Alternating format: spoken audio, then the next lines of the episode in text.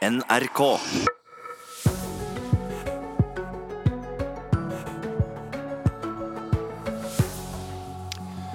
Overgrep mot barn og eh, påståtte overgrep mot barn det blir en viktig tematikk den neste halvtimen her i Nyhetsmorgen. En ny stor overgrepssak rulles opp på Romerike, den andre på kort tid. Over 250 barn kan være rammet.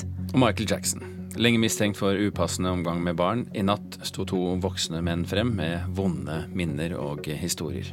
Og så åpnet Folkekongressen i Kina i dag. Vi skal se nærmere på den kinesiske økonomien og utfordringene kinesiske politikere møter i årene som kommer. Og Nyhetsmorgen får du i dag med Birger Kolsrud Aasund og Anne Jetlund Hansen i studio. Aller først nå til HBO-dokumentaren om anklagene mot Michael Jackson. Jeg følte skyld overfor Michael Jackson ved å fortelle min historie. Det fortalte en av mennene som står frem i Leaving Neverland til Oprah Winfrey i natt.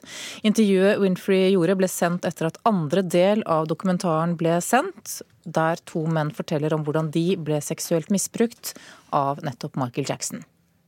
One of the interesting things about Michael and his particular situation is that the grooming had started long before we ever met him. Det begynte allerede før vi møtte ham. For Michael Jackson var en stjerne, en figur, en engel som vi så opp til. Slik begynte intervjuet som Oprah Winfrey gjorde med Wade Robson og James Safechuck i natt. I was, and I think my mother, De to mennene som står frem i dokumentaren 'Leaving Neverland' og forteller i detalj om hvordan de blir seksuelt misbrukt av Michael Jackson. Familien til Michael Jackson har varslet søksmål mot HBO, som har produsert dokumentaren. Jackson ble før sin død i 2009 frikjent i retten etter å ha blitt siktet for overgrep mot mindreårige. Mandag kveld amerikansk tid ble andre del av den mye omtalte HBO-dokumentaren vist for det amerikanske publikummet. Etterfulgt av intervjuet med Oprah, der hun bl.a. spurte om de hadde tilgitt Jackson. Have you forgiven Michael Jackson? Also on the path. From- You know, Go ahead. you know, you know, it's strange, or not strange. It, like I, I felt guilt this weekend for, like I let him down. Dokumentaren har skapt sterke reaksjoner. Også i Norge har filmen skapt debatt, selv om den ikke skal vises her før på søndag. NRK, som har kjøpt rettighetene til dokumentaren i Norge, fortalte i går at de ikke vil spille Michael Jackson på tre av deres største radiokanaler i to uker etter at dokumentaren er vist. Den dokumentaren vi skal vise til helga er veldig sterk. Reaksjonene blant de som har sett den er veldig sterke. Vi har to radiokanaler som spiller Michael Jackson fast. Det er NRK P1 og NRK P13. De spiller Michael Jackson kanskje fire-fem ganger i uka. Så gir vi en vurdering nå på at i kjølvannet av den dokumentaren så lar vi være å, vi, å, å, sende eh, Michael Jackson ukommentert som underholdningsmusikk midt på dagen, midt inni i alt mulig annet innhold. Det skapte kraftige reaksjoner. Den toveismåten NRK velger å gjøre det her på, er, er veldig merkelig. For det, det er dobbeltmoralsk panikk. Eh, og jeg, jeg har problemer med å se at det her har gått fra idéstadiet til til faktisk praksis. For det her, det her får NRK til å fremstå veldig veldig underlig. Sa aviskommentator Egon Holstad. Oprah avsluttet i natt intervjuet med å takke de to intervjuobjektene for å fortelle sin historie. So when you don't speak up, silence allows more victims to occur. So thank you all for being here and being a part of us. Thank you. Jeg kan ta med at det var musikksjef Knut Henrik Ytre Arne som uttalte seg i saken på vegne av NRK. Reporter her, det var Christian Ingebretsen. Agnes Moxnes, kulturkommentator her i NRK. Du har sett filmen. Hvordan er den? Jeg må først og fremst si at jeg gikk til eh, den eh, jobben som, eh, og, og scenen med, med, bremsene på, mye motforestillinger. Fordi at de to som skulle fortelle sin historie, har jo vært vitner for Michael Jackson i, i flere saker. Blitt spurt flere ganger om de hadde et seksuelt, eller Michael Jackson hadde et seksuelt forhold til dem, og de hadde sagt nei. De har også saksøkt boet etter at de begynte begynte å fortelle uh, hvilket forhold de hadde til Michael Jackson. Uh, men jeg må si det at uh, etter å ha sett den filmen, så opplever jeg som en svært troverdig film. Og, men, og først og fremst en, en film som, en, som forteller en klassisk overgrepshistorie mot to gutter. Hva slags troverdighet har de? Har de bevis f.eks. på at disse overgrepene har skjedd? Nei, Det er jo det som er liksom det store dilemmaet i så, en sånn sak som, som, dette her. Det er jo at bevisene finnes ikke. Eh, det er deres troverdighet som, eh, som står på en måte på, på spill. Eh, Michael Jackson kan ikke si noe. Han er borte for, for godt. Eh, sånn at eh, det er vel liksom Det som er det store, store dilemmaet her, er at dette, vi får aldri et svar på dette her. Eh, men etter å ha sett denne filmen her, så, så, så velger man jo hvem man vil tro på. Det er jo sånn så de, store, altså de store fangruppene til Michael Jackson velger jo å tro på ham. Og så er det klart at denne dokumentaren her kommer inn og forteller med stor styrke en annen historie. Ja, for den er vekta på den ene siden. Det er ikke mye motstemmer der. Nei, og det har jo vært en del av kritikken mot den også. Nå skal NRK vise den fra og med søndag, vel. Eh, og, og, så vidt jeg skjønner, så kommer NRK til å legge ut en plakat hvor de legger inn stemmene fra eh, familien Jackson. Er det som kommer frem så sterkt at det er riktig å fjerne musikken til Michael Jackson fra NRKs spillelister for en periode? Sånn som vi hørte i går, og som det kom mye reaksjoner på?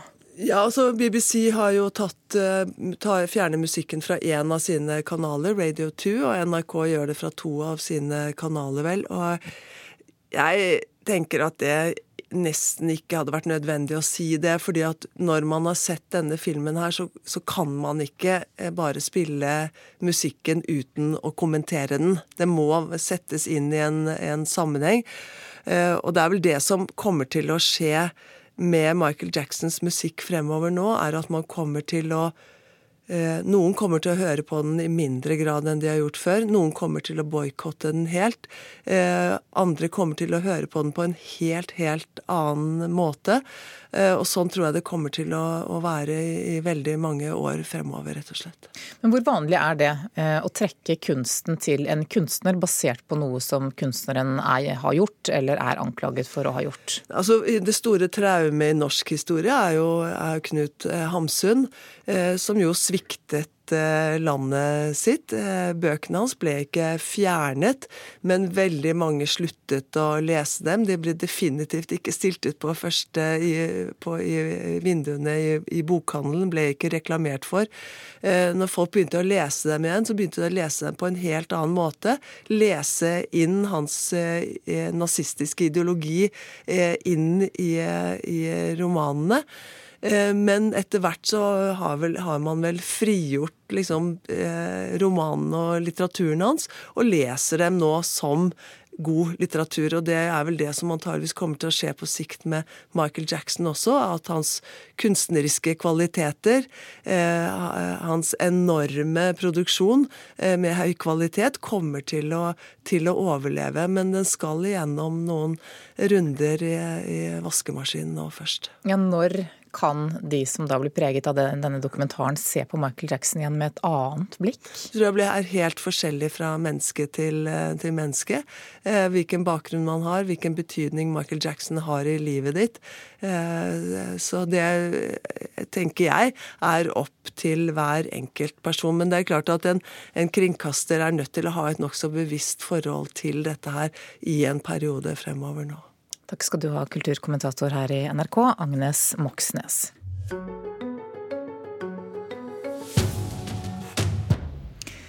E-sport vokser i flere deler av verden, og også her i Norge. Nå gjør Dvergsnes sportsklubb i Kristiansand e-sport til en del av breddeidretten i klubben. Og Det betyr at klubben skal tilby e-sport på lik linje med fotball eller andre idretter. Styreleder Eivind Håvik i Dvergsnes sportsklubb, god morgen. God morgen, god morgen. Aller først må du forklare hva er e-sport? Oi, ja Det er jo en samlebetegnelse på uh gaming på, i utgangspunktet da, som en treningsform eh, og konkurranseform. Hvorfor skal det være et tilbud fra en eh, idrettsklubb? Det er av den enkle grunnen at eh, barn og unge bruker eh, mye tid på dette i utgangspunktet. Og hvis vi som idrettsklubb kan eh, bidra til at den tida også blir brukt til å skape et fellesskap, en tilhørighet, og kanskje også forebygge utenforskap, så gjør vi barna og samfunnet en tjeneste. Hvordan skal det organiseres? Tanken er å organisere det som enhver annen idrett. Eh, man eh, samles eh, en gang i uka til trening. Trener sammen i en times tid og går hjem. Så er det òg en tanke om å kombinere dette med fysisk trening i klubben. Hvilke aldersgrupper er det du ser for deg at skal få tilbud om en, en slik sport? Altså Det vil jo avhenge av plattform og spill det er snakk om, men i utgangspunktet så er tanken å tilby dette fra begynnelse på skolealder og helt opp til unge voksne. Og Hva slags type spill eh, skal det spilles da? Da er det I første omgang så har vi starta opp eh, nå og hatt eh, Fifa for de yngste, altså fotballspill. Og så er jo tanken å inkludere Fortnite, som vi vet at uh, uhorvelig mange bruker tid på uh, for de som er tolv år og eldre. Og så uh, tenker vi å hive oss på denne Apex Legends, altså den nyeste bølgen, for de over 16. Har dere fått noen reaksjoner mot det å likestille fotball og, og e-sport? Vi har fått uh, noen bitte få som lurer på hva i all verden dette er. Uh, men ellers har vi stort sett utelukkende fått uh, positive reaksjoner. vi hadde også en turnering nå i helga, en slags kickoff, og der var tilbakemeldingene utelukkende positive. Men Hva svarer du til de som er negative da, og ikke helt forstår dette her? Da svarer jeg det at dette, dette kommer jo enten vi vil det eller ikke. Forskjellen er jo om, eh, om, man skal lukke øynene og la det foregå i, hjemme på gutterommet, eller om man skal prøve å inkludere dette i idretten og i klubber rundt forbi. Styreleder Eivind Håvik i Dverksnes sportsklubb i Kristiansand, takk for at du var med i Nyhetsmorgen.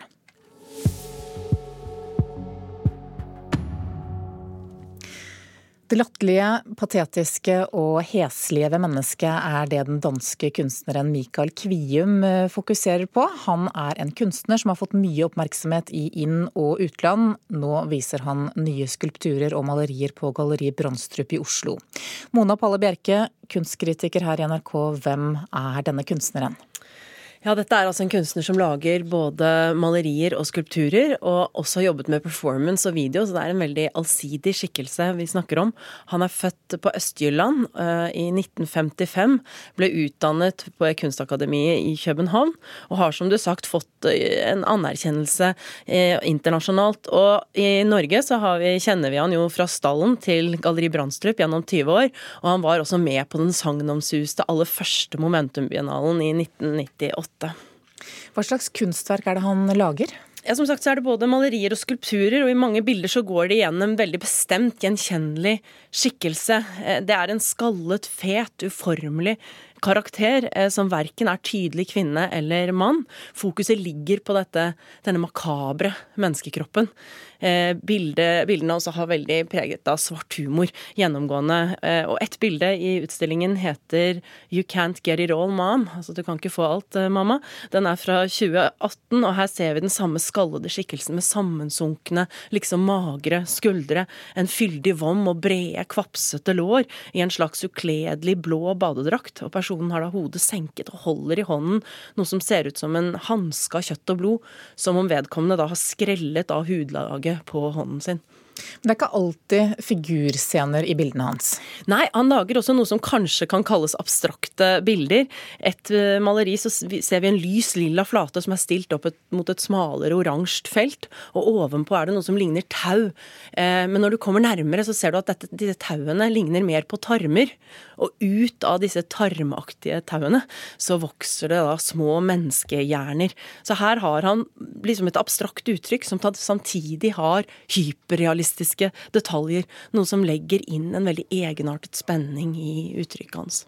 Så nevnte du at han også lager skulpturer. Er det noen skulpturer med i denne utstillingen? Det er det. Eh, det er bl.a. en gulvskulptur som heter Sosial krets. Den er laget i år, 2019, og er utformet i bronse. Og det som er litt morsomt, er at den da i sin bronseutforming har helt samme farge som gulvet. Litt sånn eh, brun, nei, grønngrå. Så det ser ut som skulpturen har vokst rett opp av gallerigulvet. Det er da en sirkel, eh, og også her så assosierer vi til tauverk, men også til tarmer.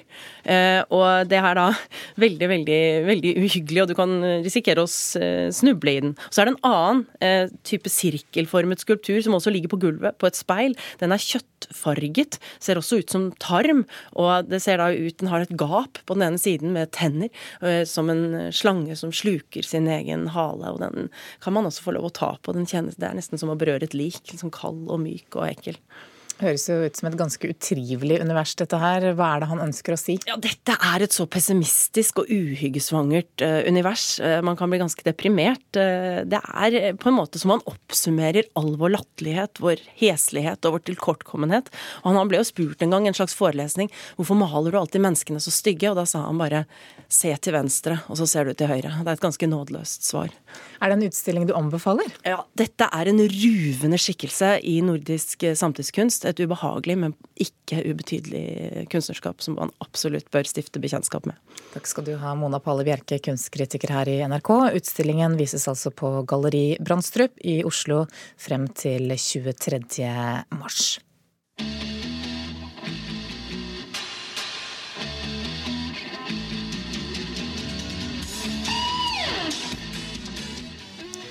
Skuespillerkollegaer sørger over at skuespiller Luke Perry, en av stjernene fra serien Beverly Hills, døde i går. Perry, som spilte Dylan Mackay, ble 52 år gammel og døde av hjerneslag. Reporter Hina Jalil, hva er det kollegaene sier om Perry? Det er eh, flere som har posta kondolansemeldinger på Twitter og Instagram.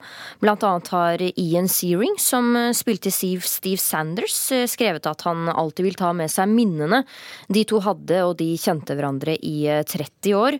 Og Gabriel Catery, som spilte Andrea Zuckerman, skriver at hun er knust, og nevner Luke Perry som en snill og sjenerøs person. Ja, Hun holdt det gående ganske lenge med Beverly Hills. Det stemmer det. Han eh, spilte i nesten 200 episoder av eh, ungdomsserien som var eh, populær på 90-tallet. Men etter det så var det få store roller for han, men de siste årene så var han å se i Netflix-serien Riverdale. Vi minner om kongehuset i Storbritannia også. Nettroll blir nå utestengt fra kommentarfeltet på de sosiale mediesidene som tilhører det britiske kongehuset, etter at hertuginne Kate og Meghan har blitt hetset. Hvor, hva slags hets er det snakk om? Nei, det har eh, vært flere britiske tabloidaviser som har skrevet mye sladder om eh, Meghan og den amerikanske familien hennes. Og de har også sladra om at det skal være gnissing mellom eh, Kate og Meghan. Men kongehuset avviser at det er noen problemer, og ber folk om å være høflige og vise respekt. Det kan vi vel egentlig en oppfordring vi kan sende til alle. Takk skal du ha, reporter Hina Jalil.